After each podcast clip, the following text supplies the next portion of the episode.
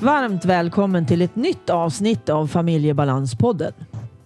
Avsnittet görs i samarbete med Comicap, ett hjälpmedelsföretag som vill genom mötet med människor förmedla kunskap, väcka nyfikenhet och visa på behovet av kognitiva hjälpmedel och sinnesstimulerande produkter. Du hittar dem på comicap.se. Det här avsnittets gäst det är Elisabeth Posett. Vi kommer att prata om tvångssyndrom. Det är det som förkortas med OCD, Obsessive Compulsive Disorder. Ett tillstånd som ofta hänger ihop med skam. Sist i avsnittet så kommer boktipset. Ann-Katrin Noreliusson heter jag som driver den här podden. Jag arbetar med att förändra situationen för personer som har en NPF-diagnos eller flera som det ofta är. Och det gör jag genom att coacha. Jag handleder och föreläser inom NPF. Och så driver jag ju den här podden, Familjebalanspodden. Det är så himla roligt. Lyssnarantalet ökar hela tiden. Just nu är vi uppe på över 56 000 lyssningar. Det gör ju mig överlycklig. Och under hösten 2018 då kommer du som är anhörig till någon med OCD att få möjlighet att gå min onlinekurs. Just att vara anhörig till någon med OCD. Det är ofta väldigt krävande och du behöver kunskap för att inte förvärra de symptom som din närstående har. Allt kommer att ske online så du kan gå den vart du än bor, även om det är på andra sidan jorden. Det funkar jättebra. Och du som vill veta mer, skicka mig ett meddelande på Familjebalans Facebook-sida. Eller skicka ett mejl till info familjebalans.se. Och du får jättegärna mejla mig även om du har idéer angående podden, om du vill berätta hur bra den är eller om du tycker att jag ska ändra något. Så hör gärna av dig. Det tycker jag är jättekul.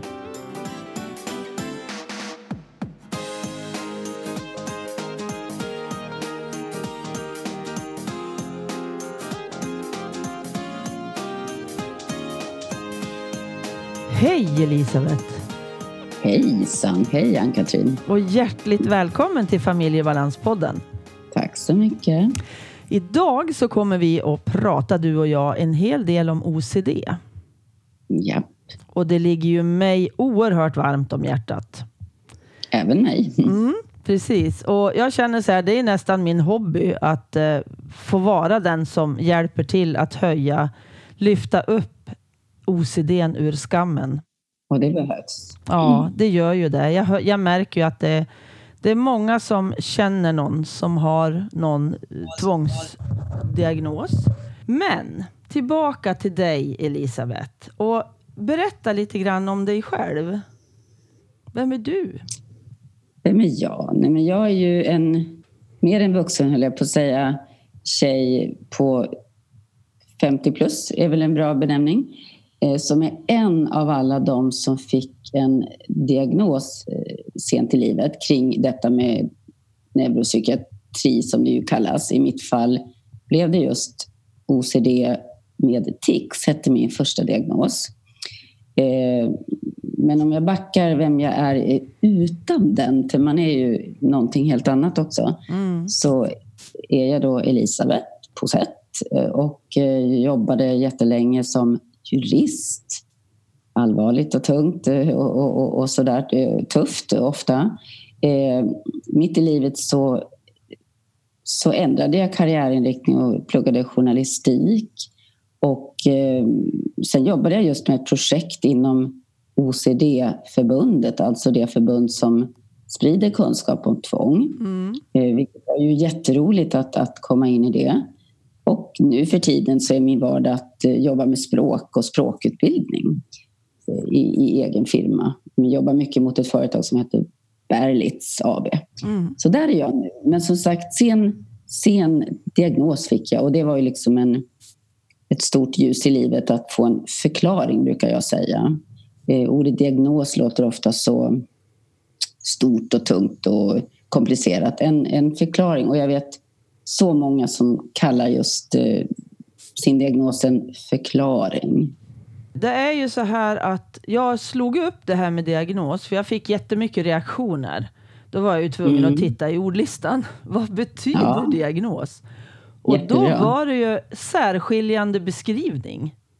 Ja, det. precis. Jag har gjort likadant. Mm. Och jag tycker att, och för jag brukar ofta använda det här, det är en bruksanvisning.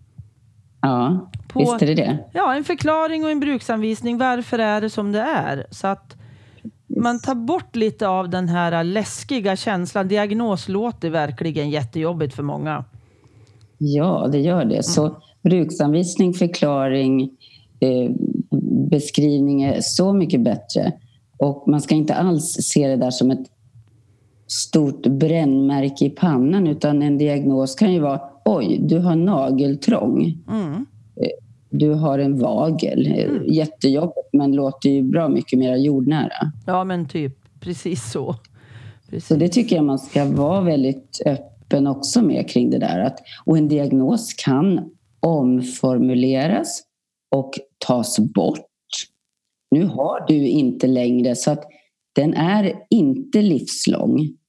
Nej. Sen vill jag påstå att i MPF, neuropsykiatri, så är den ofta det. Men man kan ju vara mycket, mycket, mycket bättre i tillståndet också. Ja, jo men det, det är ju en berg och dalbana ofta.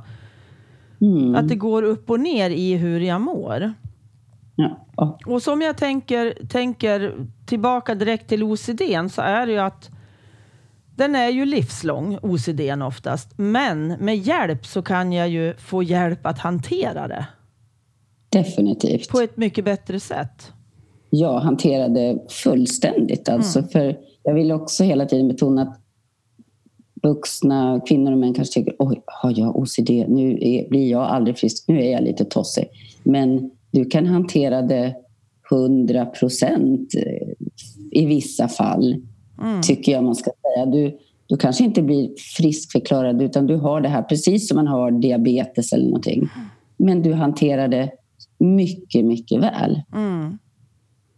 Och att då veta vad det är du har som gör att du knarrar lite ibland, det är ju suveränt. Mm.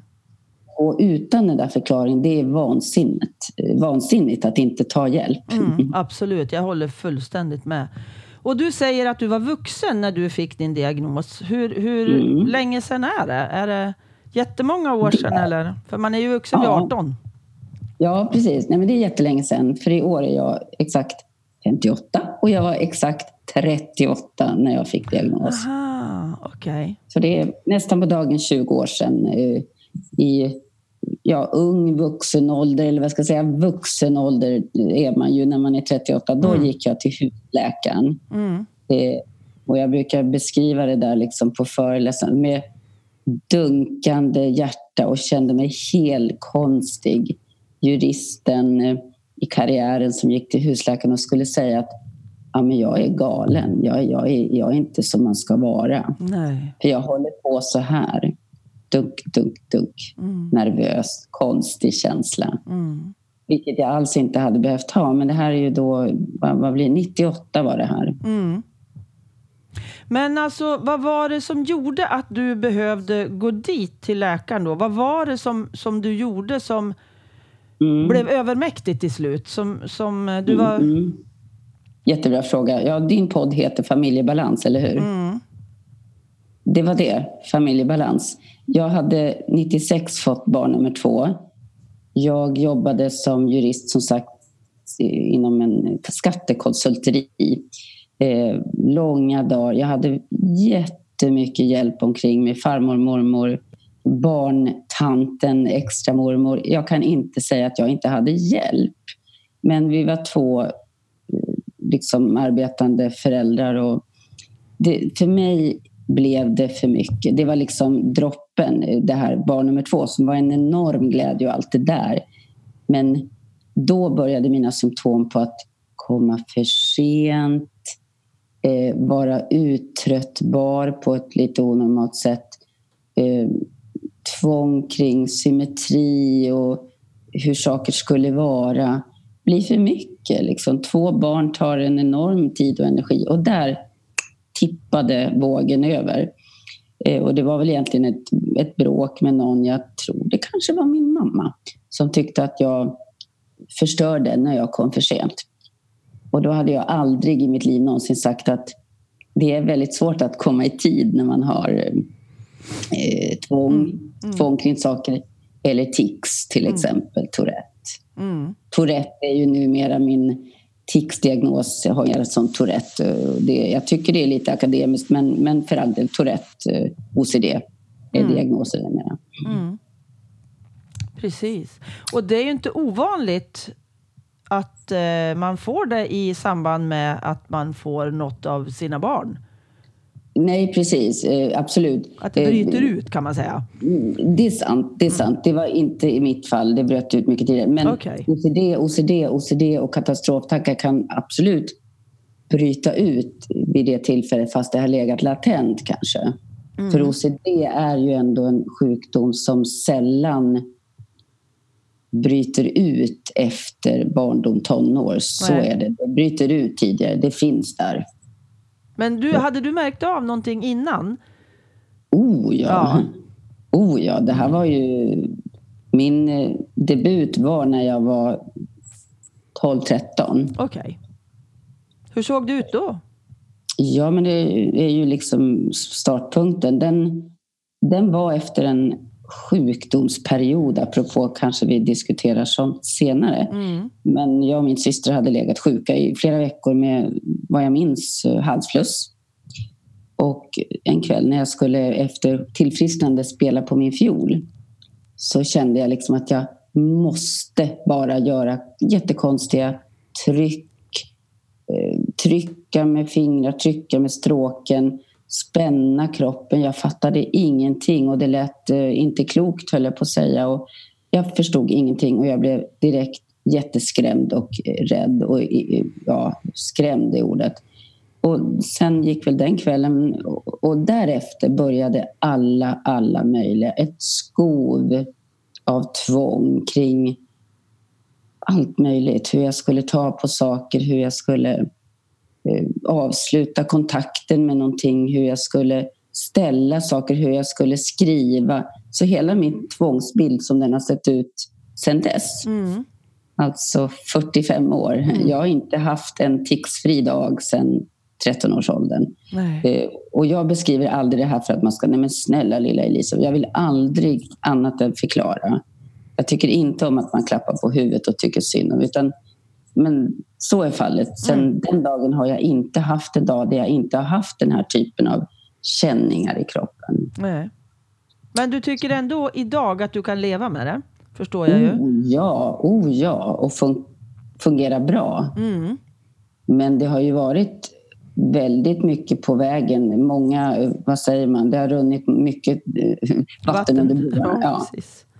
Men det handlar hela tiden om att förstå och lära sig mer. Och därför menar jag att alla människor som känner av de här typen av tvång, tics, eh, att man inte kan, för det ligger nära andra neuropsykiatriska, ADHD, mm. att man måste lära sig att liksom ta tag i det. Ja, ja. Om man har funktionssvårigheter. Liksom. Exakt. Det är jätteviktigt, tänker jag. Man ska aldrig låta något bara vara och tro att äh, det går väl över eller skärp dig eller vad fasiken folk säger runt en.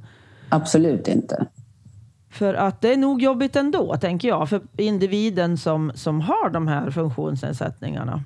Visst är det det. Eller som Så OCD då, som är en sjukdom. Ja, Det är ju inte absolut. bara en funktionsnedsättning, utan det är ju en sjukdom. Jag brukar säga tillstånd om det är så att personen känner sig besvärad av det. Och jag och många psykiatriker med mig delar in det just i neuropsykiatri och den termen är ju också, alltså ett neuropsykiatriskt tillstånd ja. för all del, om man inte vill säga sjukdom. Jag, jag, tror många tycker inte det är kul. Nej. För mig spelar det ingen som helst roll. Liksom. Mm. Men finns det tillfällen när du känner dig att du har mycket lättare att hantera ticsen och tvången och finns det situationer där det är mycket svårare att hantera dem? Oh ja, oh ja. Kan du beskriva någonting där, där det är lätt lättare och bättre och där du känner liksom att nu funkar jag bra. Hur, vad har du gjort då? Ja. det är mycket dagsform och det är det ju med alla tillstånd eller så. Eh, men ibland, jag vet jag fick i början, jag skulle gå till en sjukgymnast och göra avslappning. Men där kan jag säga att med tics, jag minns det som ett fruktansvärt jobbigt för att när jag gick och la mig där på golvet och skulle på order vara avslappnad. Glöm det alltså, jag fick ju tusen tvångsförnimmelser att måste tixa just då. Mm. Och så har det blivit längs med vägen flera gånger när jag gick nästa gång i en sorts pilotskola för tics-behandling. Då blev det likadant, men då kunde jag och psykologen prata om det och hon sa, nej men vad lustigt, ja, nu fick du 17 förnimmelser av att måste tixa när vi skulle slappna av. Ja, men då får vi jobba med det. Mm. Så det kan vara helt fel jämfört med andra. Nu andas vi djupt. Ja, men då kanske jag får ett andningstics. Apropå. Ja. Nu måste jag andas på ett speciellt sätt. Så det fungerar inte riktigt så. Man måste jobba själv med... Men, men dagar när det funkar, ja men det är ofta dagar när man är, mår bra på, ett, på alla sätt. Mm. Att man är mätt och nöjd och inte fryser. Min, min stora tics-grej är när jag fryser till exempel. Okay. För då spänner jag kroppen ändå. Och tics för mm. mig är ofta att jag spänner kroppen. Mm. Alla möjliga muskelgrupper i kroppen måste spänna till. Mm. Och nu låter det som att jag bara pratar om mina tics, men mina tics är ju liksom samtidigt mitt tvång. Mm. För jag har ju de här som en fil som mm. går ihop. Mm. Liksom. Eh, för det, mitt tvång är just kännas rätt. Och det är jättemånga mm. som har det. Och egentligen allt tvång är kännas rätt. För att om du har ett tvång där du känner att du vill att du är rädd att skada någon till mm, exempel. Mm. Då kanske du måste säga förlåt på ett visst sätt tills det känns rätt. För att du ska veta att du inte har skadat någon. Så att kännas rätt är ett väldigt centralt begrepp i tvång. Mm. Och mitt, mitt tvång är ofta det med Tourette också. Då mm. är tvånget av kännas rätt-modell. Mm. Jo men Tourette och OCD går ju liksom hand i hand tänker ja, jag. Det är ju oerhört det många som har båda två. Ja, det och det går inte att skilja dem åt på något vis. Nej. Och det är helt vetenskapligt eh, belagt att så är det. Mm. Och därför blev ju min diagnos först OCD med tics. Min psykiater den bästa läkaren någonsin i hela världen. Eh, för att vi hade kemi. Mm. Eh, det är det det handlar om. Han, han kallar det OCD med tics och sen fick jag Tourette-diagnos. Mm. Så så var liksom min diagnosväg. Liksom. Mm. Precis. Och det är så intressant. Men alltså, dagar när det är riktigt illa, vad är det som har hänt då? Eh, vad, vad kan mm. påverka? Ja, men då vill jag ta den viktiga faktorn för mig i alla fall. Och det är att depression och och då kommer man in på kemiska saker tror jag. För att för mig är det så att jag har oerhört nära till att må lågt. Eh, jag vill inte säga deprimerat kliniskt, men ett lågt mående. Om inte allt känns high flying och bra i min dag, då blir jag väldigt lätt låg. Och jag har också haft perioder med, med diagnos depression. Mm. Det var också så det började 98. Eh, så att en sån dag när jag är låg liksom allmänt av helt vardagliga saker, då kommer gärna tics. Men därmed inte punkt, utan det kan också komma en dag när det... Ja, men när jag hade fortfarande menstruationer, då mm. kunde det ju klassiskt komma PMS-veckan. Mm. Fruktansvärda skov av tics. Och det mm. vill jag verkligen betona att tjejer som har neuropsykiatriska diagnoser. Det är belagt också och har evidens att man har värre eh, med sina problem under sådana veckor. Liksom. Mm. Alldeles som att man får en skörhet, tänker jag. Mm, absolut. det kan inte, man kan, klarar inte alla delarna på något vis. Precis, precis. skörheten slår igenom då. Ja. Nej, men så att det går egentligen inte. Att, det är verkligen skov... Det är en, en skovvecka, PMS-veckan kanske det är en må bra-vecka för att det du mår bra. Det är jättesvårt att förklara men som sagt faktorer är mina grejer. Mm. Om jag är såklart stressad och nervös inför en... Ja, men säg att jag skulle föreläsa. Mm. Och när man föreläser om sig själv så kommer det ju nära en själv och då blir man ju naturligtvis stressad. Och då, då kan ticsen just typiskt sätta igång. Ticsen kan sätta igång när jag fryser. Ticsen mm. kan sätta igång när jag svettas. Mm. Ticsen kan sätta igång när jag är tics och tvång, alltså när jag är avslappnad, men också när jag är spänd. Mm. Men utlösande faktorer finns och, och, det har jag då tagit med psykologen och mm. så listar jag dem och så vet jag hur jag ska gå emot och hantera. Liksom. Så det mm. ingår i TIX-skolan, om man säger så, tvångskunskapsskolan. Liksom. Mm. Ja, för det känner jag också är oerhört viktigt att, att mm. komma ihåg att vi behöver lära oss själva. Vad är det för de här symptomen? Vad är det för något? Vad kan jag göra Visst. bättre? Vad, vad, är det som är dåligt för mig? Att man Visst. får en, en utbildning i sin, sina funktionsnedsättningar eller funktioner. Ja, men visst. Ja, men det är liksom eh, det är ett eh, verkligen uppenbart jätteviktigt. Mm. Det är liksom A och O. Mm. Ungefär som när du har diabetes. Jag jämför ofta. Om du har diabetes och du får en känning, då måste ju du veta vad du ska göra. Mm. Och då är kanske inte OCD tics på det sättet jätteakut, men ja, det ligger jättenära. Mm. Mm. Precis. Och den här PPI som eh, eh, psykiatrimottagningarna har på många mm. ställen, mm. det innefattar inte OCD. Det är väldigt vanligt ADHD-autism. Ja. Då går både, alltså den i, I kommunen säger man då anhörig, det är ju jag då som står på sidan ja. om. Och min närstående är den som har diagnosen. ADHD, autism, jättevanligt. OCD, i princip ingenting. Jättekonstigt. Ja, för det har jag tagit upp med psykiatrimottagningen här i Hudik. Att, och det är ju ännu viktigare, om man nu ska gradera någonting, så är det så vansinnigt viktigt hur mm. vi som finns, som är anhöriga, som står på sidan om, vi måste göra rätt. Absolut. Annars så skickar ju vi våra närstående rakt in i helvetet. Mm. Ja, med att vi är snäll och vi, vi håller med och vi försäkrar. Ja. Och vi som sagt klappar på huvudet. Och, eh, absolut, och vi har ju haft OCD-skola med Ananke där jag jobbade, alltså mm. OCD-förbundet. Jag gjorde projekt och jag var engagerad. Eh, där har vi haft utbildning för just eh, boenden men också för anhöriga. Det var lite före min tid. Anita Odell, dåvarande ordförande. Mm. Men det är ju liksom, det är ju jätteviktigt. Man kan absolut inte hålla på och gå med i någons tvång. Det är ju liksom A och O också. Mm, absolut. Det blir, två, det blir två hönor som springer omkring. Liksom. Det är ja. som det är medberoende precis som till en alkoholist mm. så att mm. säga. Mm. Man kan inte klappa på huvudet och tycka ta, ta ett glas till. Jag menar, det är lika bra att prata öppet om sådana saker. Exakt. Det går inte. Det är ju så fel. Ja, och jag tänker också, för jag, jag är ju i dagarna och gör en, en webbutbildning för anhöriga.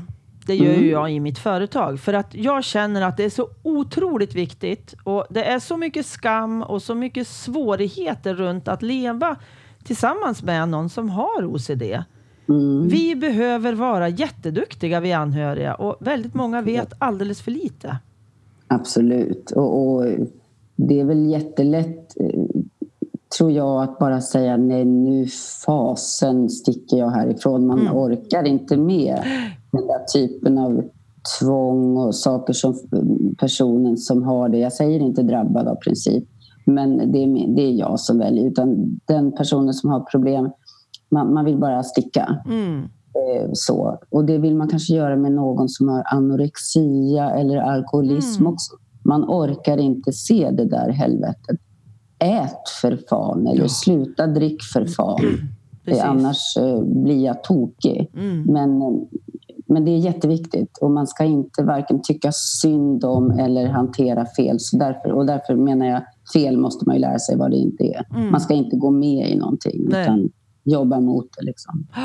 Precis. För det är ju så att den, den som har tillståndet måste själv jobba. Alltså jag till exempel, man tar ju sig själv, måste 24-7 jobba mot mina kännas rätt. Mm.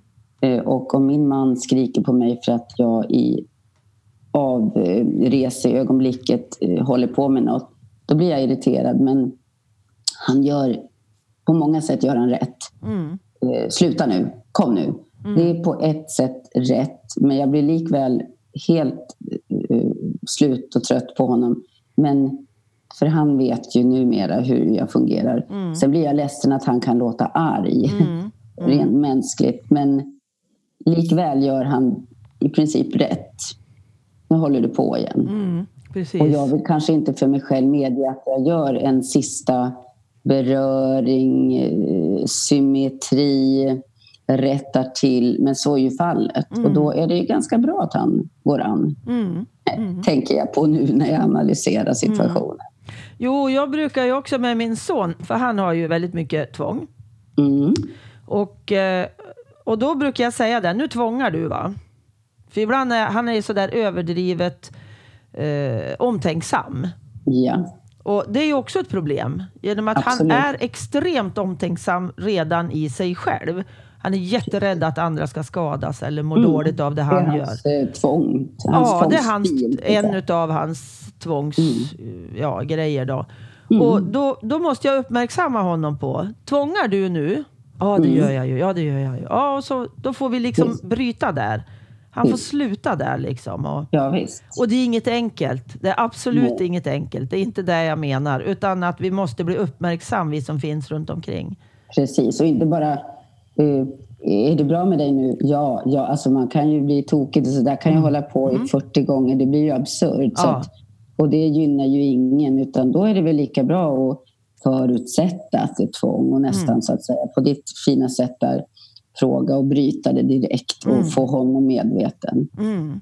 För du vet ju samtidigt att det är en, en del av hans tvång. Det, det kan Ja. du nästan höra på en gång. Liksom. Ja, men precis. Precis. Och, hur det, och, och vissa barn har ju liksom, om mamma inte har sagt godnatt så att det låter precis rätt. Jag skulle säga kännas rätt för mig. Mm. För, för tics ligger mycket i nervimpulser, alltså det är så inbyggt i kroppen. Men det, jag menar att all OCD är det också. Men om det inte låter helt rätt och mamma har sagt det hundra gånger, alltså förstå, man blir Mm. det är klart att mamma bryter ihop. Liksom. Mm. Mm. Så det måste ju få slut och stopp och en, förstå, en förklaring. Mm, precis. För, för våran Marcus då, för han har ju haft det sedan han var en 6, 7, 8 år någonting. Mm. Och eh, det var, han trodde ju inte att det var hans kläder i garderoben. I Nej. hans garderob så var det någon annans kläder. Ja. Och då Mm. var det ju liksom för mig att gå, jag tror du att det är mina kläder som ligger i din garderob? Mm. Och alltså vi, vi hade ofta frågor tillbaka. Så att han fick tänka själv. Nej men det är klart att det inte är dina. Det, ja, men vem säger det då? Jo, Mm. men det är mina.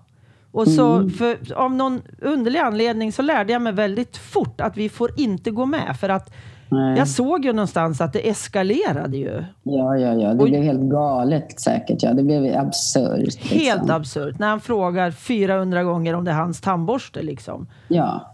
Då, är, då var det säkert, innan det kändes rätt, jag, Mm. jag kan ju inte hans språng men jag känner igen, så skulle du säga det på ett visst sätt. Mm. Det var inte så att han tvivlade utan han ville att du skulle säga, säkert säga det Mm. på ett visst sätt i en viss följd och punkt andas. Alltså Mm. det ser ju helt absurt ut. Liksom. Och då måste man ju bryta väldigt snabbt. För annars så Mm. mår han ju ännu sämre. Ja, naturligtvis. Allt som då får eskalera blir bara, ja det, det är så, det blir bara värre. Liksom. Mm. Precis. Och, och det låter konstigt att säga, men om någon skulle i princip rycka mig från en procedur där jag eh, har gått in i något ticstvång så är det lättare på sikt för mig att säkert komma ifrån det. Alltså det Mm. måste nästan vara lite drastiskt ibland. Alltså. Mm. Sen vet jag många psykologer som säger att ja, men det, den, det får inte vara för drastiskt. Nej, det ska inte vara för så att man mår dåligt. Liksom. Men eftersom jag har levt med det här i, i jättemånga år så tror jag liksom att man kan nog vara ganska... Men det, det, det måste självklart vara en, en startsträcka. Men sen kan man vara ganska direkt med... Mm. Det finns väl lite jag- två skolor tänker jag i det där. Ja, jag tror det. En det här att du bryter allt. Pang! Ja, Och så får du inte göra någonting. Och så en där du går in och tar det enklaste tvånget och så jobbar Ja. du dig uppåt. Liksom. om pö. Liksom. Och jag Ja. tror en mellanväg är, är kanske bäst. Liksom. Ja. Men jag definitivt vet personer med ett svårt tvång som har brutit med sitt tvång. Liksom. Mm. Det är inte, inte alls omöjligt. Nej. För det är väl KBT, vad jag förstår. Ja, Eller det är KBT. egentligen. Ja. Och det låter så lätt och fint. Och, men det, det handlar ju om eh, ko- kognitiv beteendeterapi som det ju ha- heter. Mm. Alltså dina tankar i tvångssituationen och hur du tänker och hur, hur du inte ska tänka. Hur, hur, ska du tänka för att det ska bli friskt och rätt? Mm. Liksom? Mm. Enkelt på pappret men svårare i praktiken. Men eh, därmed inte sagt att det inte går. Det går jättebra. Mm. Och det är ju det här att exponera sig och sen sitta kvar i sin ångest. Mm. För att få ångesten, låta den gå i taket och så sjunka av sig självt sen. Precis. Och den kommer ju inte att döda mig, den här ångesten. Nej, det gör den inte. Och i mitt fall, ja men ångest är väl det är ett starkt ord, men i mitt fall, eftersom man tar sig själv, så är min känsla av, och för alla säkert igen med OCD, det är inte säkert att det blir en svår ångestupplevelse, men det blir en, åh, oh, det känns så fel, det mm. känns så fel. Och för mig är det bara, man vill ju att saker ska kännas rätt i kroppen. Det vill du, det vill jag, mm. det vill din psykolog. Mm. Men det måste, ångesten kännas, rätt känsla måste få, felkänslan måste klinga av. Mm. Eller ångesten. Och mm. komma till en nollpunkt där du, ja men fine. Det är okej. Okay. Ett, mm. ett jätteenkelt exempel från min vardag. Mm.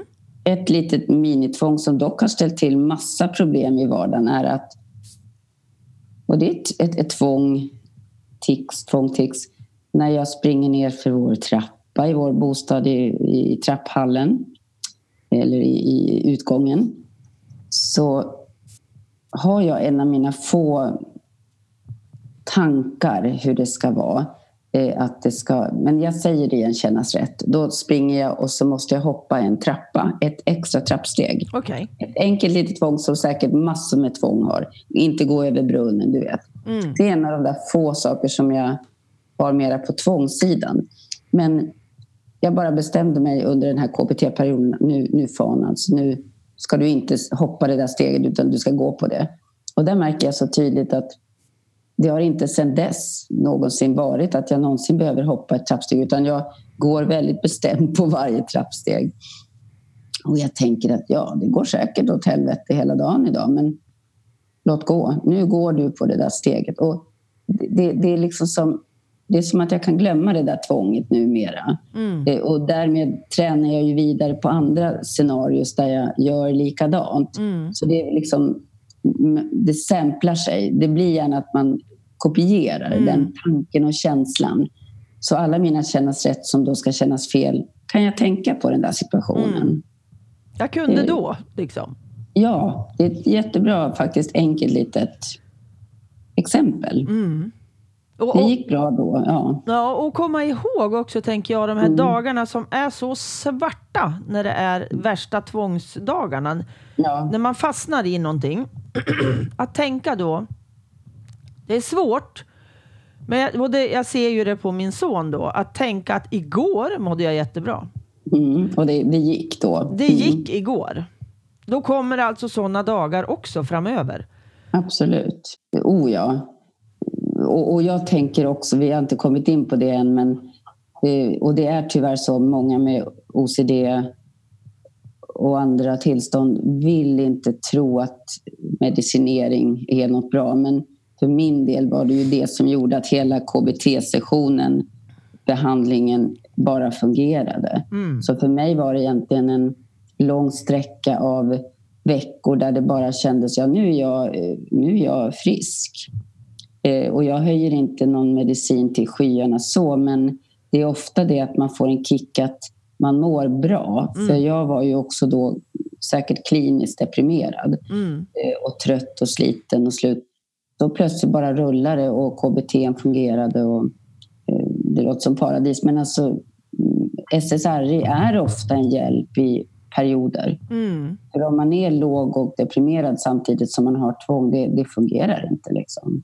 Det blir för svårt. Ja, och i, i, min diagnosbild har det alltid funnits med depression. Mm. Och jag skulle säga att det är 95 procent. Det tror jag också. Ja. För det är nog lätt till att man, man sjunker i depression när man har det så jobbigt, tänker jag. Ja, jag tror att det är en um, samdiagnos helt enkelt. I, det tror jag också. I sjukdomsbilden, nu säger vi i diagnosbilden. Mm. Eh, depression, det är ju samma centra i hjärnan som, det är ju serotoninet som mm. spökar. jag vill mena och påstå, och säkert många med mig, att det, det finns i samma sjukdomsbild. Mm. Mm. Medan andra kanske aldrig har ens varit i närheten och de har ett helvetesliv kanske. Mm, mm. Men jag menar, det finns också säkert ofta i personer med alkoholproblem. Alltså det finns en annan förklaring också. Mm, mm. Och sen blir man inte på något sätt bättre av att eh, tvång i sig i, i dagliga livet är naturligtvis oerhört försvårande Mm. och sänkande. Liksom ett alkoholöverbruk eller Mm. eh, ätstörningar och så vidare. Mm. Men jag tänker så här att alltså, medicin, det behöver vi ibland. Ja, Vi behöver någonting som kompenserar för det här så när vi har hamnat i någonting absolut. av svårigheter. Sen om det blir ett livslångt medicinerande eller om det kan vara en period för att jag ska orka ta tag i de här delarna. Mm. Det är ju olika och jag kanske måste byta medicin på vägen också. Väldigt olika och jag Mm. tycker det är en akademisk fråga. Den är för mig helt irrelevant. Mm. Och jag vet att de, det finns de även i min närhet som skulle tycka, nej men måste du verkligen ta medicin? Alltså det finns ett sorts motstånd men bullshit säger jag för att det är inte så att det är någon farlig medicin. Det här säger jag, alla får säga emot, alla får säga vad de vill. Mm. Men, eh, och jag gillar kanske inte starka sömntabletter eller, så jag tycker andra mediciner är mindre lämpliga. Men den här medicinen har varit absolut livsnödvändig för mig. Liksom. SSRI Mm. i Och- någon form. Precis, och det är ju Ja. väldigt individuellt. Väldigt individuellt. Och man får tycka vad man vill. Men jag tycker som du. Jag tycker inte det ena ska utesluta det andra. Utan vi Mm. behöver titta på vad som behövs för den personen. För den enskilda personen. Mm. Och om den enskilda personen med ADHD blir otroligt mycket förbättrad av mm, Stratera, Concerta, Ritalin. Mm. Pröva då det Ja. i, i, i, i en längre period för att se om det fungerar. Mm. Så tänker jag också. Och jag har kortvarigt prövat medicin mot tics. Och jag tror min psykiater skrattade åt mig när jag sa att jag prövade tre dagar och blev så trött att jag slutade. Då tänker hen, men lilla vän, du måste ju pröva åtminstone tre veckor. Men, men där känner jag att jag har nog gett upp tanken på att äta medicin mot just tics. Mm. Jag tror jag hanterar dem bättre utan medicin. Mm. Fastän jag inte har riktigt prövat det tillräckligt länge. Men jag kände att om trötthet blir ett alternativ, då, då får det vara. Då får jag snarare bli trött av ticsen och ändå jobba mot dem. Mm. Jag, jag skulle bli så förvånad om det hjälpte. Så jag, men, men med det övriga tvånget har SSRI hjälpt Mm. mig. Precis. Jättebra, tycker jag. När det finns Mm. något som funkar som kan hjälpa en. Absolut. 100 Och där ska det inte vara någon skamstämpel överhuvudtaget. Det är, det är larv, tycker jag. Ja, jo men skammen alltså, bort med den tänker jag överhuvudtaget. Skrota skammen, det är ju min sån där. Ja. Det tycker jag är jätteviktigt. Ja, Slag, slagord, ja. ja men precis, precis. Ja, andra intressanta delar som du skulle vilja nämna när vi sitter här och... Ja, nej, men jag tycker vi har berört... eh, Ja, jag vet att du hade ett program i din serie som handlade just om infektionsfaktorn i det här med OCD. Ja, Och det har ju sitt eget program, men det är där jag jobbar nu eh, med kollegor. Eh, och där man tittar på när OCD och tics och andra symptom kommer väldigt, väldigt akut. mm, Det är liksom en egen fil och det finns barn som får, och det tycker jag man ska veta och det börjar komma mer kunskap. mm, Eh, och den föreningen heter ju då SANE. Mm, Eh, www.sane.nu tycker jag man kan surfa in och titta. Jag tycker man ska titta in på OCD-förbundets sida också mm, och se hur enormt mycket kunskap det finns numera. För om vi säger att jag började jobba med OCD-förbundet 2001 kan man säga, eller 98 egentligen när jag fick genom min psykiatertips, så har det ju hänt massa. mm, mm. Så egentligen nu är det ju inte så svårt för en ungdom att säga att jag har OCD.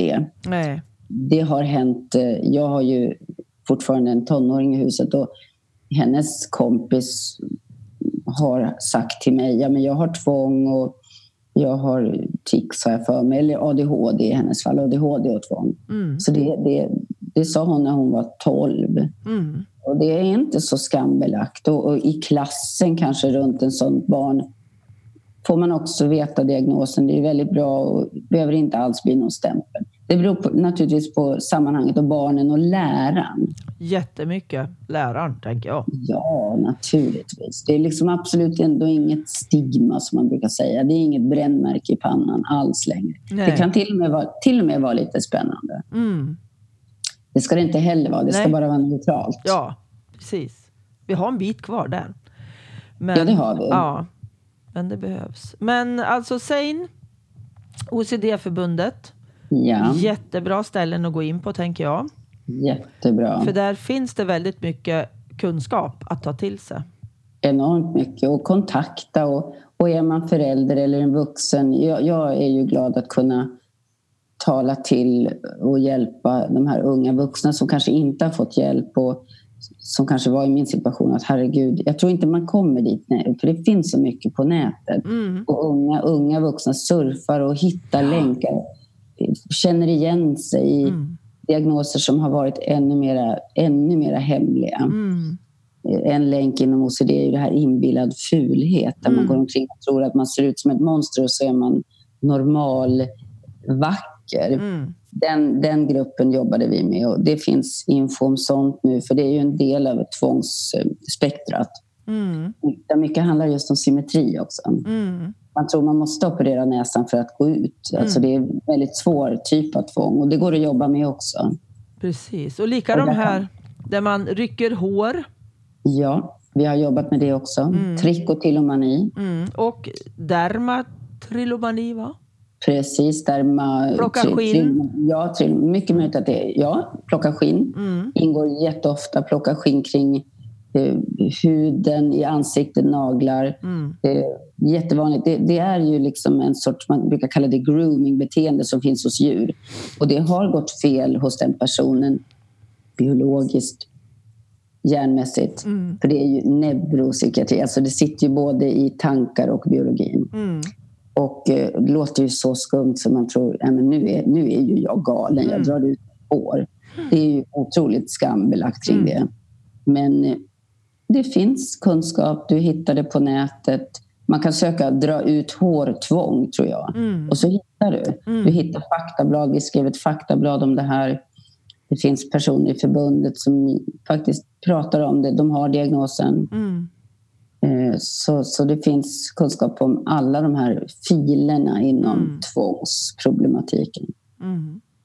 Föreläser du fortfarande om, om OCD? Ja, jag gör det ibland. Min enda egentligen fil numera är att jag hjälper till på specialistläkarutbildningen har jag gjort okay. ända till i år och hoppas jag fortsatt. Och jag var med och Eh, satte upp, eller inte som läkaransvarig naturligtvis, men som kunnig, egenerfaren, eh, just den här METIS-utbildningen heter det. det. Det handlar om mer teori i ST-läkarutbildningen. Okay. Mer, mer teori och teoretisk kunskap under läkarutbildningens gång. Mm. När du blir specialist i till exempel eh, psykiatri och kanske också en, en, en gren inom psykiatrin, tvång till exempel, att du ska specialisera dig inom. Men det, det heter ju då i alla fall inom psykiatrin brett. Då har vi haft kurser inom neuropsykiatri och då har jag föreläst ofta om just tvång och tics. Mm. Helt min egen berättelse så att säga. Jag får enormt mycket respons och frågor från unga läkare som ska bli specialister hur det ser ut och fungerar. Jätteviktigt. Mm. För de behöver kunna och, och, få vetskapen från någon som är drabbad själv. Eller ja, drabbad säger jag då. Ja, har... ja det, alla väljer sitt ord. Eh, ja. Absolut. Nej, men det behöver de och de får det och de tycker det är ofta en, det kanske mest spännande inslaget bland mm. annan, annan in, inslag på kursen. Mm. Vad bra. Så, ja. Jättebra. Har du något mer som du skulle vilja att vi lyfte Ja, jag tänker just att eh, läs på, prata gärna, bryt den här barriären. Eh, känn, eh, känn dig positiv inför att få en förklaring. Mm. Var inte rädd att gå. Det går att gå via husläkaren som jag gjorde. Mm. Hon skriblade genast ner tvångsneuros, vilket var ju ett lustigt ord. Det används inte längre, utan skulle väl kanske skrivit tvångssyndrom. Mm. Men eh, så gå till husläkarna. Har de inte den kunskapen, ta med ett papper. Ta med en, en utskrift från nätet om det gäller OCD till exempel. Mm. Och skam den som ger sig. För liksom en husläkare på vilken central som helst uppe i norra Norrland ska känna till och kunna remittera Mm. till en specialist om inte hen kan själv. Mm. Alltså det, det ska gälla i hela långa landet Sverige. Annars Mm. är vi, har vi inte kommit dit vi ska. Nej, precis. Nej, det är bara att kämpa vidare tänker jag och se till så man får den hjälp man behöver. Absolut, och prata om det på bloggar. Och, Ja, för liksom OCD och tics är en, en vanlig sjukdom, en vanligt tillstånd. mm. Och det finns grader av det. Mm. Man kanske inte har, behöver ha en diagnos alltid, men man kan ha tvångsmässighet i sin personlighet. Ja, då kanske det heter något annat egentligen. Men det är väldigt, väldigt bra att veta hur det fungerar. Mm. Eh, Och om du har svårigheter i vardagen, sök, sök hjälp. Mm. Precis. Det tycker jag verkligen. Det är, Ja. min, det är mitt råd. Ja, och jag tänker som anhörig genom att det är min, mitt gebit.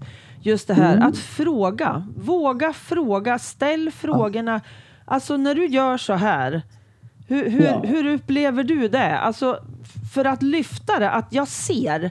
Jag Absolut. finns här och jag kan hjälpa dig. Jag kan se till så att vi kommer till Ja, hu- husläkaren och sådana saker. Att, Ja, absolut. Ja, men du tog upp det jättebra. Jag, är- jag är ju i viss mån anhörig, men nu handlar det om mig. Jag ska inte gå in på det ändå för att eh, just nu. Men eh, du ska absolut fråga och om vi ser till min så hade jag gärna sett att min familj vet att nu håller du på så där igen, säger de. Det tror jag är vanligt. mm, De kanske har sett mina tvångstendenser och tics under hela livet men jag har ju dolt dem som alla gör. mm, Men om jag sitter med ett av mina barn och kanske t- tixar med kroppen och gör konstiga saker. Lägg av, lägg av mamma. Då kanske jag hade tyckt att det var jättebra att mycket tidigare sagt att ja, men det är ju tics, du vet. Dit kom jag inte förrän jättesent egentligen. Jag vill inte involvera barnen i att Nej. jag hade mina problem.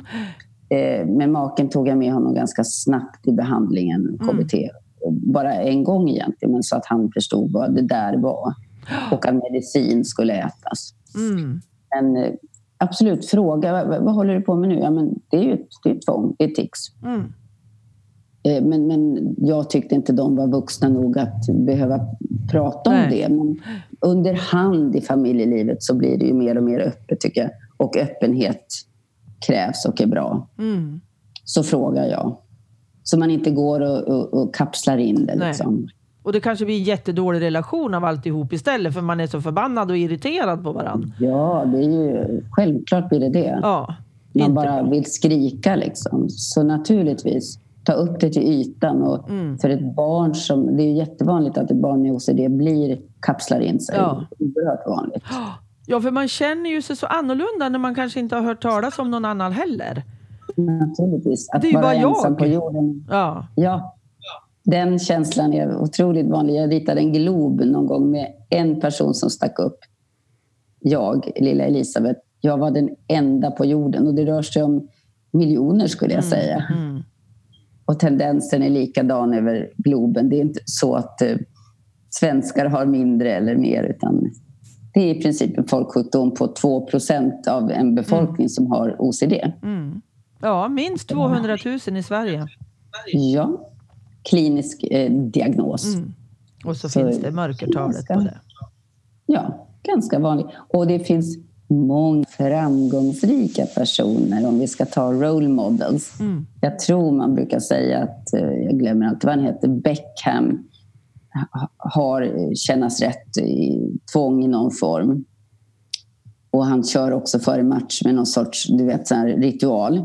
Men i hans fall är det OCD. Han har pratat om det själv. Han ska ha tre burkar cola på den sidan och tre burkar på den. Han har kanske just kännas rätt eller symmetritvång. Mm. Och han var liksom under en period världens bästa fotbollsspelare. Det här säger jag till de tjejer och killar där ute som men gud, jag har OCD, jag kan aldrig bli fotbollsspelare. Alltså glöm det.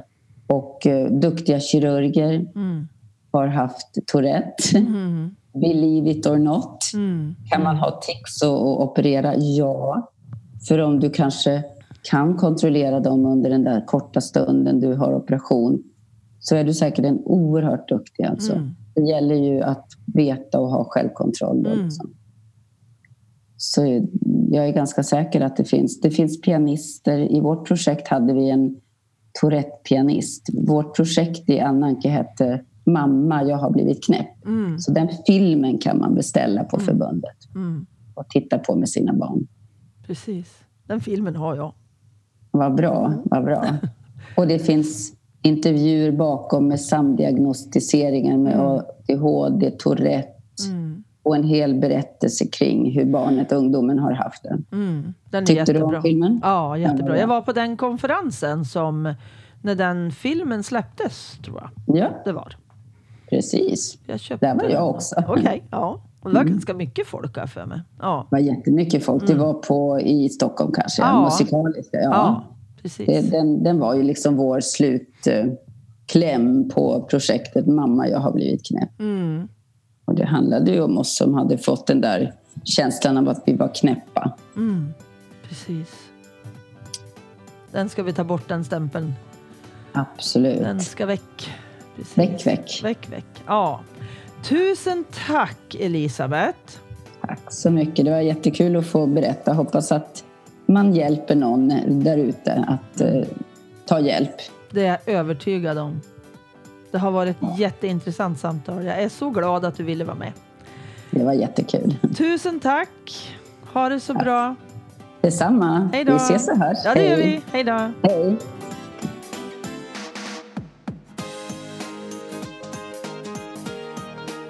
Boktipset. Fri från tvång av Mia Asplund och Elin Love Rosengren. Behöver du kontrollera spisen flera gånger innan du går hemifrån? Måste du lägga saker i en viss ordning för att slippa känna obehag? Eller skäms du av dina påträngande tankar om att skada din familj? Då kanske du är en av de 200 000 svenskar som lider av tvångsproblem. Fri från tvång är den första svenska självhjälpsboken för tvångsproblem. Den är baserad på KBT. Förstahandsvalet vid psykologisk behandling av tvångsproblem enligt forskningen. För att visa hur behandlingen går till får du följa fyra personer som lider av olika typer av tvång. Författarna ger dig kunskap om tvångsproblem och många praktiska övningar och uppgifter så att du steg för steg kan bli friare från tvånget. Den här självhjälpsboken riktar sig framförallt till dig som har lättare till medelsvår tvångsproblematik. Om du har mer omfattande tvångsproblem fungerar Fri från tvång utmärkt som arbetsbok i en terapi där du träffar en psykolog eller annan professionell behandlare. Boken kan då utgöra ett komplement till professionsboken Om och om och om igen av Bates och Grönberg.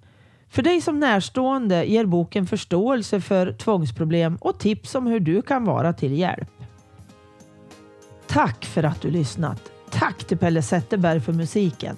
Till Pernilla Wahlman som fotade. Till Marcus som fixade poddloggan. Och till Anders för att du redigerar mitt prat. Och tack igen till Comicap för samarbetet. Gå gärna in på Familjebalanspoddens Facebook-sida och lämna en recension. Det är ju sånt som gör mig jätteglad. Hoppas vi hörs igen.